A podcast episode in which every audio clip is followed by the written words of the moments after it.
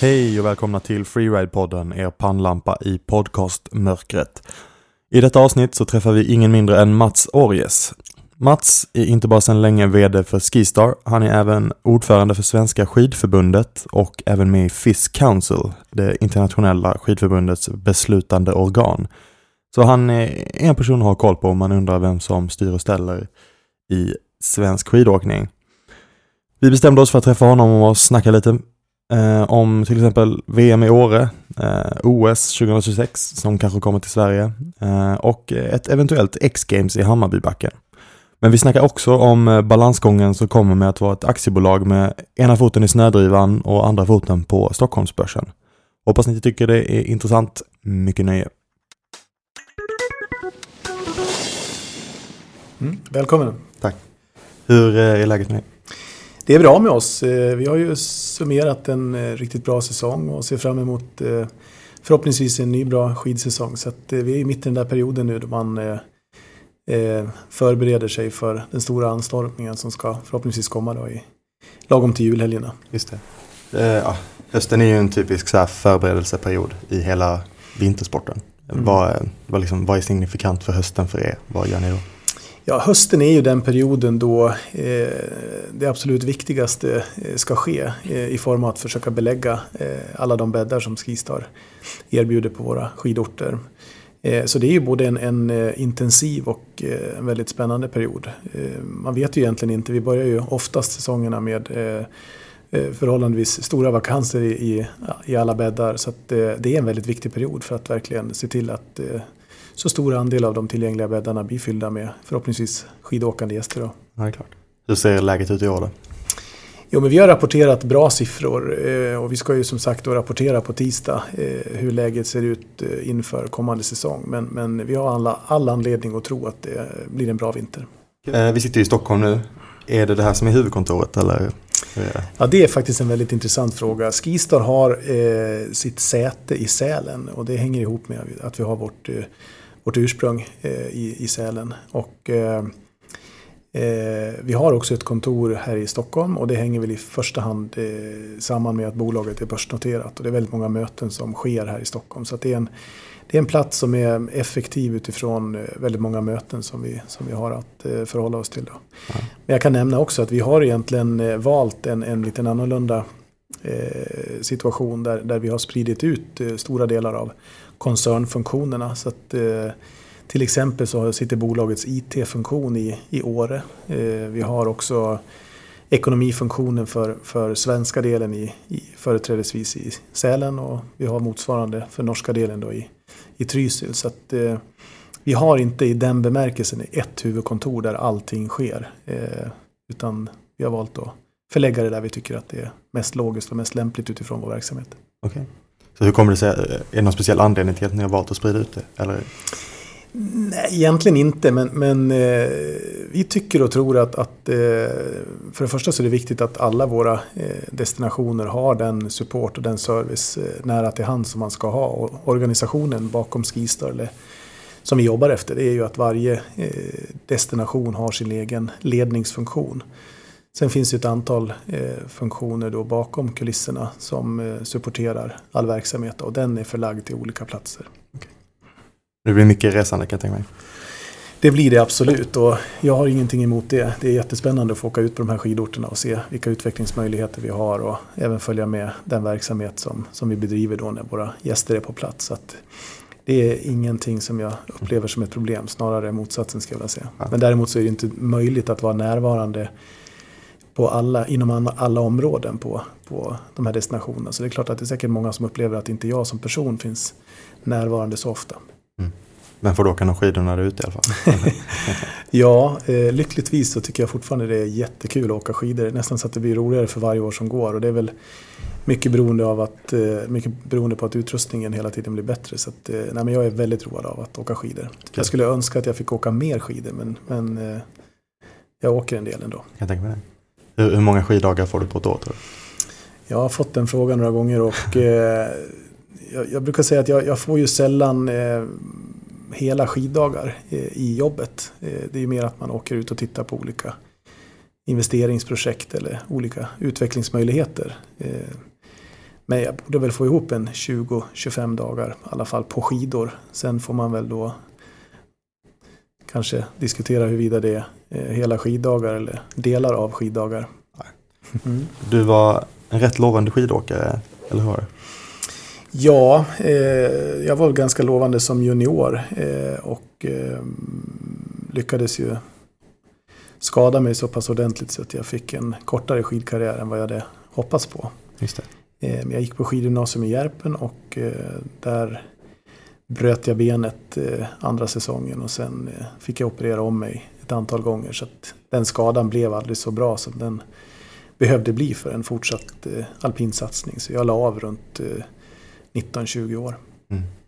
Tufft. Mm, ja, det var tufft. Det var väldigt tufft. Det, var, det är klart att, att man har många erfarenheter ifrån de där åren och händelserna. Men det är klart att, att eh, när, man, när man befinner sig i en sån miljö som jag gjorde då, där allting kretsar kring att bli så bra som möjligt på skidor. Så, och så gör man illa sig och inte kan delta i träning eller tävling utan man får stanna hemma på helgerna när de andra åker. Och mm. Det är klart att det, det var tufft men, men eh, någonstans så finns det väl eh, något gott med det också. Jag är fortfarande kvar i branschen och jag jobbar fortfarande med skidåkning och jag har eh, med facit i hand egentligen bara goda erfarenheter av åren som jag ändå kunde lägga på, på träning och tävling. Ja. Gick det från gymnasiet i Järpen till att du började på Skistar?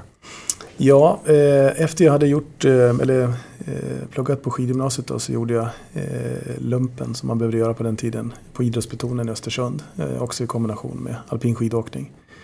Sen pluggade jag till civilekonom till en början med en förhoppning om att faktiskt kunna komma tillbaka då med, i full satsning. Men efter ett år på högskola så valde jag bort den delen och satsade på skolan. Och sen efter mina år på högskola så har jag drivit några olika eh, företag och, i olika branscher och eh, 2002 så blev jag då VD på Skistar. Vad, eh, vad har ni för vision med ett arbete, om man ska säga, eller skidmässigt? Så här, vad sätter ni upp för mål? Ja. Ja, men alltså, det man måste komma ihåg med ett bolag som Skistar det är ju att vi vänder oss ju till en, en väldigt stor kategori människor. Generellt kan man säga att eh, andelen skandinaver som åker på en alpin vintersemester är ju i ett europeiskt perspektiv väldigt eh, stort. Alltså väldigt, väldigt många av oss svenskar, norrmän och danskar som väljer att åka på en alpin ferie. Skistar äger och opererar i Skandinavien de fem största skidorterna och det innebär ju också att vi måste kunna erbjuda en väldigt, väldigt bred produkt. Ehm, det är ju inte ovanligt att eh, duktiga skidåkare kanske tycker att Skistar vänder sig till en alltför bred eh, kategori eh, människor. Men det är ju hela affärsidén. Hela affärsmodellen bygger på att kunna erbjuda ett stort antal gäster en attraktiv produkt. Och då gäller det att kunna anpassa sig och eh, erbjuda någonting som är attraktivt för stora eller för, för en, en, bred kategori skidåkare. Mm. Vad är det bästa med ditt jobb? Ja, det bästa, jobb, eller bästa med mitt jobb är att det är oerhört eh, varierande. Eh, ena dagen så är man eh, klädd i kostym och träffar investerare som tycker det är intressant att prata om Skistar. Och nästa dag kanske man står i pjäxor och skidkläder någonstans i ett skidområde och försöker sätta sig in mer i den verklighet som vi lever i. Eh, en annan stor fördel är ju att eh, Skistar attraherar eh, många ambitiösa och dedikerade människor. Eh, det kanske är det man skulle vilja lyfta fram främst faktiskt. Det, det, jag har väldigt, väldigt många engagerade och, och duktiga medarbetare i det här företaget som, som hjälper till att utveckla företaget och ta hand om våra gäster på ett professionellt sätt. Okay. Vad är det svåraste med jobbet? Ja, det svåraste är ju lite grann av eh, den balansgång som jag tror du var inne på också. Det är klart att, att eh, eh det finns ju otroligt många bra, intressanta och spännande investeringar som ett sånt här företag skulle kunna lägga sina pengar på. Samtidigt så har vi ju ett ansvar att försöka också upprätthålla en god balans i ekonomin eh, och eh, förhoppningsvis vara en intressant och attraktiv investering för våra ägare. Så att det, den balansgången är väl inte helt enkel alla gånger, det vill jag påstå. Mm. Ehm, och hur arbetar ni för att göra skidorterna som ni är på bättre? Ja, det är egentligen ett kontinuerligt arbete hela tiden. Och, och, hur man gör en skidort bättre, eh, eller vad som är viktigt när man, när man eh, försöker göra en skidort bättre, det är egentligen utifrån vad gästerna tycker att det är viktigt eh, och vad man prioriterar. Och vi försöker hela tiden följa upp eh, hur våra gäster upplever våra skidområden. Men att göra en skidort bättre kan ju handla om allt ifrån att, att eh, etablera en ny lift, eh, nya nerfarter, förbättra snöproduktion eller kanske till och med bygga ett eh, attraktivt boende som, eh, som den typen av gäster då söker. Så att det är egentligen en, en rätt bred Eh, palett vi har och, och använda när vi har möjlighet att utveckla en skidort. Så det handlar inte alltid bara om att eh, bygga liftar och pister om jag uttrycker mig så. Mm. Kan det vara att lokalbefolkning kanske har en annan Eh, syn på vad som är att göra orten bättre än vad ni har?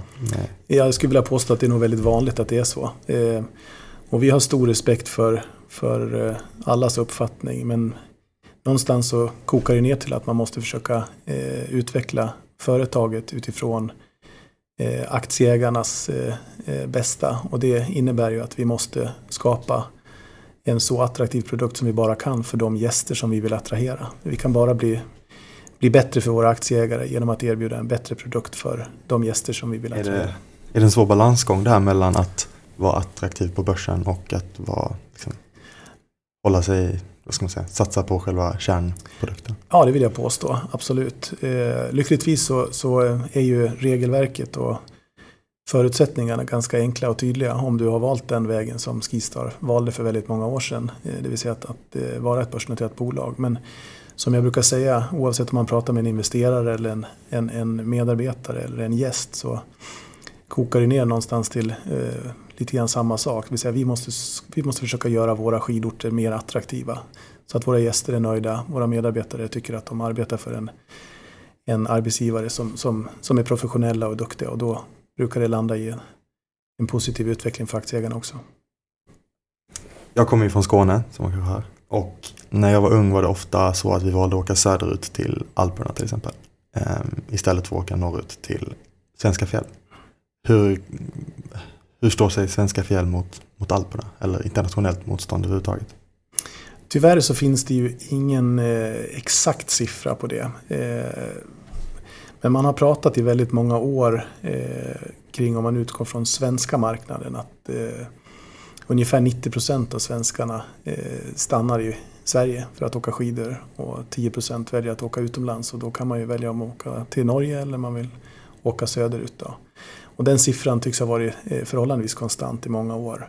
Men man kan också eh, hänga på det och säga att, att eh, vi tror ju att, att många av de eh, riktigt hängivna skidåkarna kanske åker både söderut och norrut. Det är inte ovanligt att man kanske besöker någon alport men kanske också åker till Åre eller Sälen under en vinter. Så att, eh, eh, vår bedömning då, om man skulle försöka ge det ett tydligt svar, är att konkurrenskraften i svenska och norska fjäll sannolikt har stärkts i förhållande till Alperna eh, de senaste åren. Annars skulle vi mm. inte kunna uppvisa den tillväxt vi ändå har haft. Okay. Och vad beror, det, vad beror den på? Jag tror att det beror på att eh, eh, de här skidorterna ändå har blivit eh, mer attraktiva. Och i det avseendet så tror jag att det handlar i första hand om att eh, boendeprodukterna har blivit bättre, restaurangutbudet har blivit bredare och eh, naturligtvis eh, bättre i många avseenden. Men också kanske att, att, att skidåkningsupplevelsen har blivit moderniserad och mer attraktiv. Ja, vi kommer komma tillbaka lite till det här med världsmästerskap och sen. Men eh, du sitter ju, ja du är ju vd här på Skistar då och sitter i eh, Svenska skidförbundet och är ordförande och sitter med i internationella skidförbundet. Eh, kan man säga att du är mäktigast i skidsverige tror du? Nej, det vet jag inte om jag vill påstå att jag är. Eh, men det är klart att det, det, ju, det innebär ju en, en, möjlighet ändå att vara med och, och mm, påverka eh, skidåkningen i ganska stor utsträckning. Och sen är det väl en rätt udda kombination. Jag tror inte det har hänt någon gång tidigare att man har innehaft både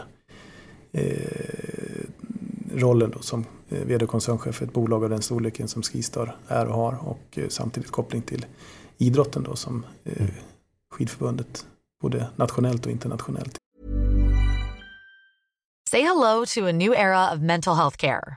Cerebral is here to help you achieve your mental wellness goals with professional therapy and medication management support. 100% online. You'll experience the all new Cerebral Way, an innovative approach to mental wellness designed around you. You'll get a personalized treatment plan from a therapist, prescriber, or both in a safe and judgment free space. Your cerebral therapist or prescriber will outline a customized plan with clear milestones along the way so you can get to feeling your best. With Cerebral, you're not alone in your mental health journey. We're here to empower you to live a fulfilling life. So take that first step towards a brighter future and sign up today at cerebral.com slash podcast and use code ACasts to get 15% off your first month. Offer only valid on monthly plans. Other exclusions may apply. Offer ends July 31st, 2024. See site for details. Ryan Reynolds here from Mint Mobile. With the price of just about everything going up during inflation, we thought we'd bring our prices down. So to help us, we brought in a reverse auctioneer, which is apparently a thing. Mint Mobile unlimited premium wireless. Ready to get 30, 30, bit to get 30, bit to get 20, 20, 20, bit to get 20, 20, bit to get 15, 15, 15, 15 just 15 bucks a month. So, Give it a try at mintmobile.com slash switch. $45 upfront for three months plus taxes and fees. Promo rate for new customers for limited time. Unlimited more than 40 gigabytes per month. Slows. Full terms at mintmobile.com. innebär.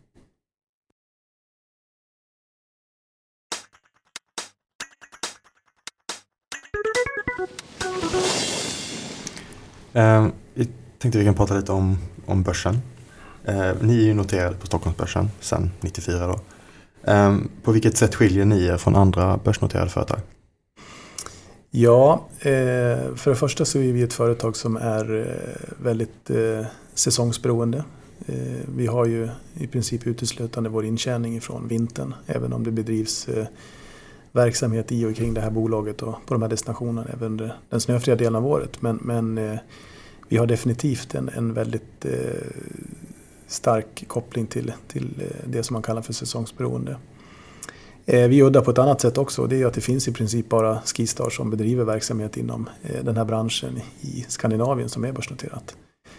Det finns få företag i övriga delarna och del, övriga världen också. Men, men vi har ju ett företag till exempel i Paris eh, Franska Compagnie des Alpes som är noterat där. Eh, Så att eh, när man kommer till branschjämförelser så är det kanske inte helt lätt för investerare och, och analytiker eftersom det finns i princip bara Skistar på, på, eh, i Norden. Då. På vilket sätt är det en fördel för er när ni ska mm, försöka göra bättre skidorter eh, att ni då är börsnoterade? Ja, det man kan ändå säga eh, i positiv mening kring en börsnotering är ju att eh, ett företag som Skistar får oerhört mycket publicitet eh, trots sin storlek skulle jag vilja säga. Vi är ju inte ett särskilt stort företag jämfört med många andra börsbolag. Men jag tror att väldigt många människor har en naturlig koppling och ett eh, stort intresse för eh, den verksamhet som ett bolag som Skistar bedriver. Och därför så får vi också rätt mycket publicitet, vilket naturligtvis kan påverka eh, företaget i, i positiv bemärkelse i andra avseenden. Då.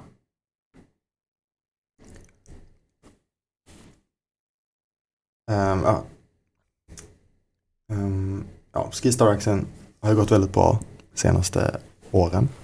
Um, och ni har gett bra utdelning till aktieägarna. Um, och vi pratade, är det, alltså är det svårt att överväga, eller svårt att välja mellan att ge utdelning till exempel eller om man ska um, investera, vilket ju kanske hade varit populärare bland folk som är, inte är aktieägare som bara åker skidor. Ja, det är, det är faktiskt en, en eh, svår avvägning. Eh, den, den, den, den är inte så svår som man skulle kunna anta eftersom Skistar har kommunicerat sedan många år tillbaka att vi ska dela ut eh, minst 50 procent av vinsten till våra aktieägare. Så att, i det avseendet är det inte så komplicerat. Men, men det är ju precis den här balansgången jag pratar om. Det är de alternativ du har. Ska du amortera, det vill säga betala av på dina lån? Ska du investera pengar eller ska du dela ut dem till aktieägarna? Och vi försöker ju eh, göra en kombination av de där tre. Så att, eh, då tycker vi att vi har en väl fungerande balans i bolaget också. Jag kan tänka mig att det blir känsligt ibland, eh, till exempel om man behöver göra nedskärningar i personal och sådär. Det behövde ni göra för några år sedan i år, eller hur?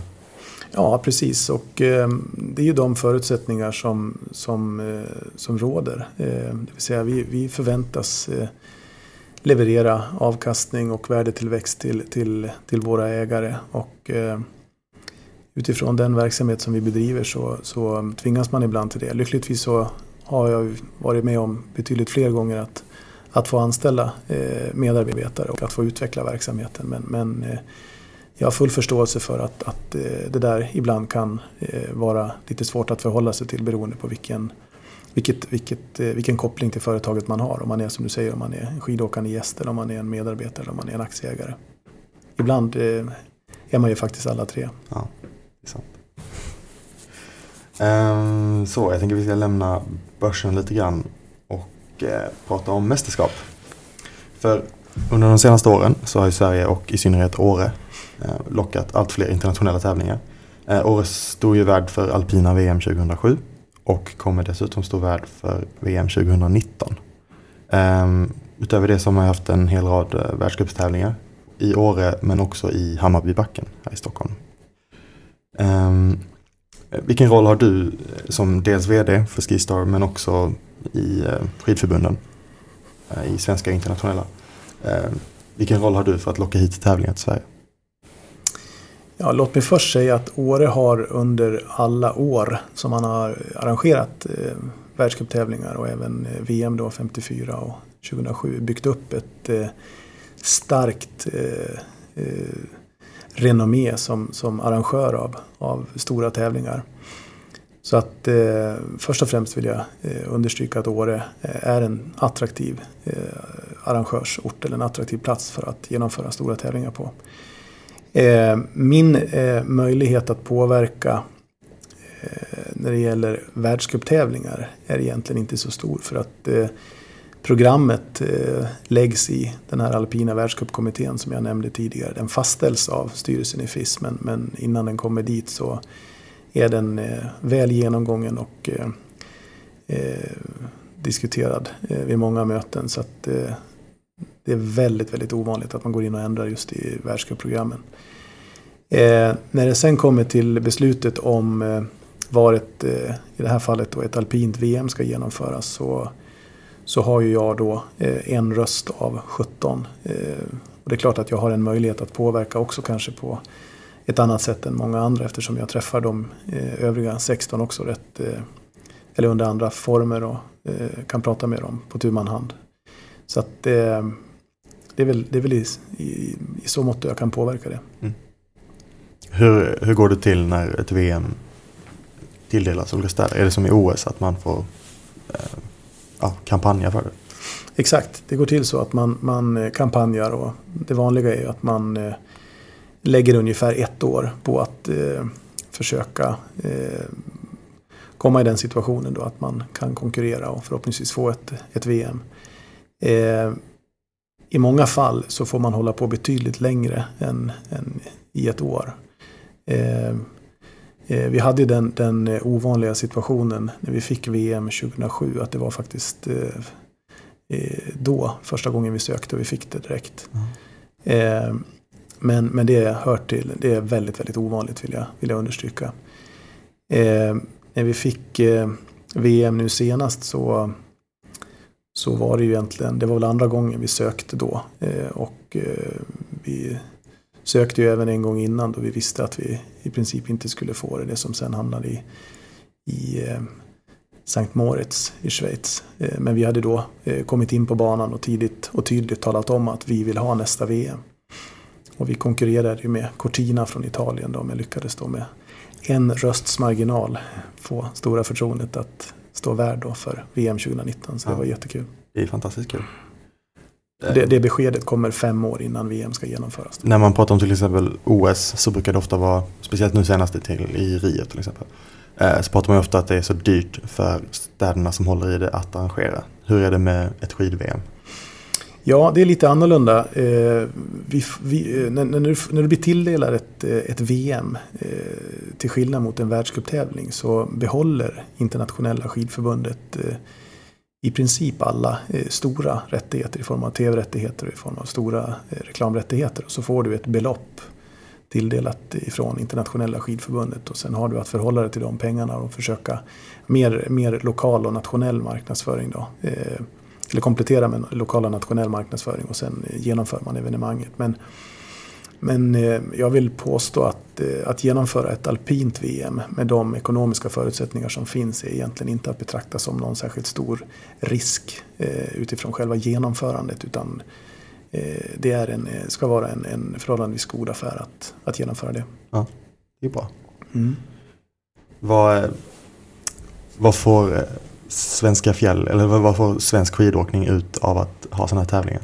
Jag tror att det viktigaste man får ut det är ju eh, att eh, eh, väldigt mycket media eh, kopplas till ett stort arrangemang av den här typen. Och det är klart att förhoppningsvis så, så ökar intresset för skidåkning generellt. Vi hade ett, vi hade ett nordiskt VM i, i Falun 2015 som var en fantastisk succé också. Och nu får vi möjlighet att arrangera ett alpint VM på hemmaplan då i, i Åre. Så jag tror att generellt så påverkar det intresset för skidåkning eh, i positiv riktning. Mm. Och eh, för Skistar som företag så är jag övertygad om att eh, Åres varumärke, Åres eh, attraktionskraft eh, lyfts ytterligare. Framförallt på en, på en internationell nivå. Ah. Ni eh, lyckades ju eh, få världscuptävlingar till Hammarbybacken i Stockholm, vilket är ju lite unikt får man säga. Eh, hur, hur jobbade ni för att få dem till Sverige? Ja, eh, i det här fallet så ska Niklas Karlsson eh, ha en eloge som sitter som Sveriges representant i, i eh, FIS alpina kommitté. Och eh, han gjorde ett, eh, ett bra jobb i arbetet att dels eh, skapa eh, idén kring ett sånt city-event eh, med bas i Hammarby och sen också att eh, på plats visa de personerna som, som är med och fattar beslut om vilka möjligheter som finns. Att, jag ska villigt erkänna att jag trodde inte riktigt att det skulle bli så fantastiskt bra som det sen blev. Så att, jag är nog lika stolt som många andra men, men det var nog han som först förstod vilka möjligheter som Hammarbybacken och, och Stockholm innebar just i det avseendet. Och, och, ja, det, var, det var ett fantastiskt evenemang och vi har lyckligtvis fått nu tilldelat, om än inte kanske beslutat i, i detalj. Men, men eh, vi, vi, har en förhoppning om att kunna genomföra de här tävlingarna ända fram till och med VM. Då. Ja. Det, skidåkningens akilleshäl alltså om man ska se till skidåkningen som publiksport, är ju att eh, backarna kanske inte alltid ligger precis där allra mest folk bor. Mm. Um, tror du att det här är liksom en framtidsgrej? Att man har så mycket city-event? Ja, jag tror att det, det är ett försök eh, att, eh, att erbjuda den här typen av eh, alpin tävlingsupplevelse där, där väldigt många människor bor. Och det har gjorts försök eh, i många delar. Vi har ju haft eh, motsvarande tävlingar i München och i Moskva. I Moskva var det en artificiell backe man byggde upp. Eh, längdåkningen har gjort under en längre period sådana city-event. Vi har haft tävlingar runt Stockholms slott i sprint till exempel i, ända sedan år 2000. Så att visst, det är ett försök att, att eh, flytta eh, det som man kanske normalt inte ser i storstäderna eh, närmare sådana arenor. Vi hade ju, eller inte vi, men Oslo hade ju X-Games i 2016. Hur ser ni på, skulle det vara en möjlighet att ha X-Games i Hammarbybacken? ja, det var en svår fråga. Det kanske du kan svara på bättre än jag det är klart att det skulle vara otroligt häftigt att ha ett sånt eh, evenemang, eller kanske delar av ett sånt event. Eh, X-Games är ju en möjlighet och nu pratas det ju flitigt om ett eventuellt eh, vinter-OS i Stockholm. Eller kombinationen Stockholm-Åre. Mm. Och då kommer naturligtvis eh, en sån backe som Hammarby att bli en, en möjlig tävlingsarena. Så att eh, Absolut, eh, förutsättningarna är stora men sen krävs det säkert lite komplement eh, runt omkring också. Det kanske behövs eh, lyftas och höjas någon backe också. När, när vi ändå pratar om OS, man har ju börjat prata om det nu senaste året kanske, att Stockholm verkligen ska satsa på att få OS 2026. Ehm, hur ser du på chanserna att få det? Ja, det pågår ju en eh, utredning eh, inom Stockholms stad nu eh, där man tittar på förutsättningarna. Man går igenom allt vad som krävs i form av anläggningar och vilka faciliteter som måste byggas som kanske inte finns idag. Men ser man utifrån de delar som, som vi genomför och har genomfört i Åre så, så är ju förutsättningarna de bästa. Eh, när det gäller Stockholm så, så tror jag vi ska avvakta och se vad, vad de kommer fram till som, som utreder frågan just nu. Men det är klart att det finns många bra arenor här och sen kanske man behöver komplettera med, med ytterligare anläggningar. Men, men eh, jag hoppas verkligen att Sverige eh, ska söka eh, OS och jag hoppas verkligen att Sverige ska få stå värd för ett OS också. Det vore fantastiskt. Om det sker 2026 eller någon annan gång, det vet inte jag. Men det känns ju logiskt och rimligt att man koncentrerar sig på ett vinterarrangemang eftersom jag tror att stock, eller sommar, eh, sommarspelen är nog lite för stora. Mm. Ja, det hade varit väldigt kul att få kolla halfpipe i Hammarbybacken. Ja, verkligen. um, tänkte lyfta frågan om klimatförändringar också. Um, det är något som har präglat världen de senaste åren, eller åtminstone debatten i världen. Um, och skidåkningen kan man ju säga är ju bland det första som ryker om det går åt helvete. Um, hur arbetar ni med hållbarhet? Ja, jag tycker att vi är ju ett företag som eh, jobbar i en miljö som kanske fler än de, eh, eller många andra företag, eh, verkligen måste värna om, om, miljön och naturen som vi har fått eh, förtroendet för att eh, Eh, verka i eller förvalta. Och eh, vi gör nog väldigt många, alltifrån eh, eh, kurser för att eh, använda så lite fossila bränslen som det bara går, använda Eh, hela tiden eh, nya eh, tekniska innovationer för att minimera användandet av övriga också negativa utsläpp och annat. Så att, I det avseendet så tycker jag att vi har kommit ganska långt. Sen när du kommer till den här förväntade uppvärmningen av jordens yta så har vi ändå, om man nu får vara lite cynisk, en situation där den tekniska utvecklingen av möjligheten att producera snö tycks gå betydligt snabbare än den globala uppvärmningen. Så jag tror att vi idag, idag och då kommer det tillbaka till hållbarhetsaspekten, alltså jag tror att vi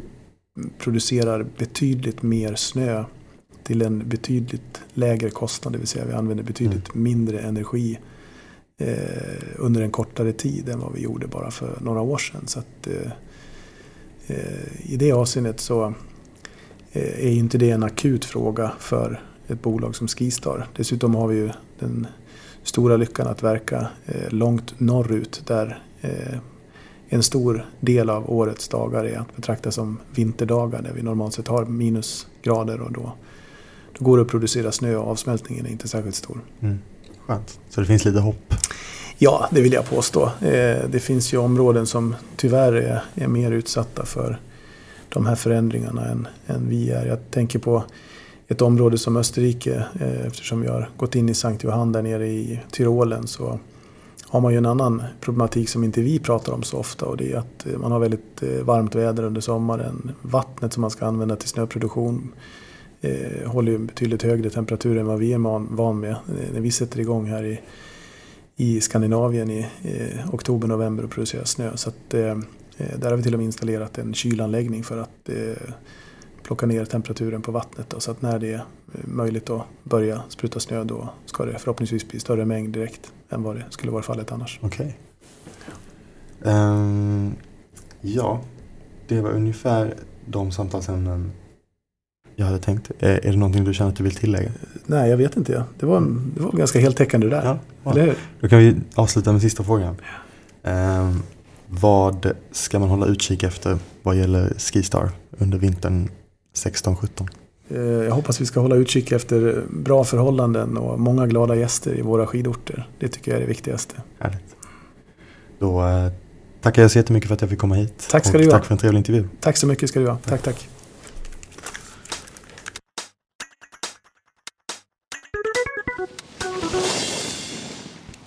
Tack så mycket för att ni lyssnade på Freeride-podden där vi träffade Mats Orjes vill ni spana in fler avsnitt så kolla freeride.se podden. Vi hörs nästa vecka. Ha det bra!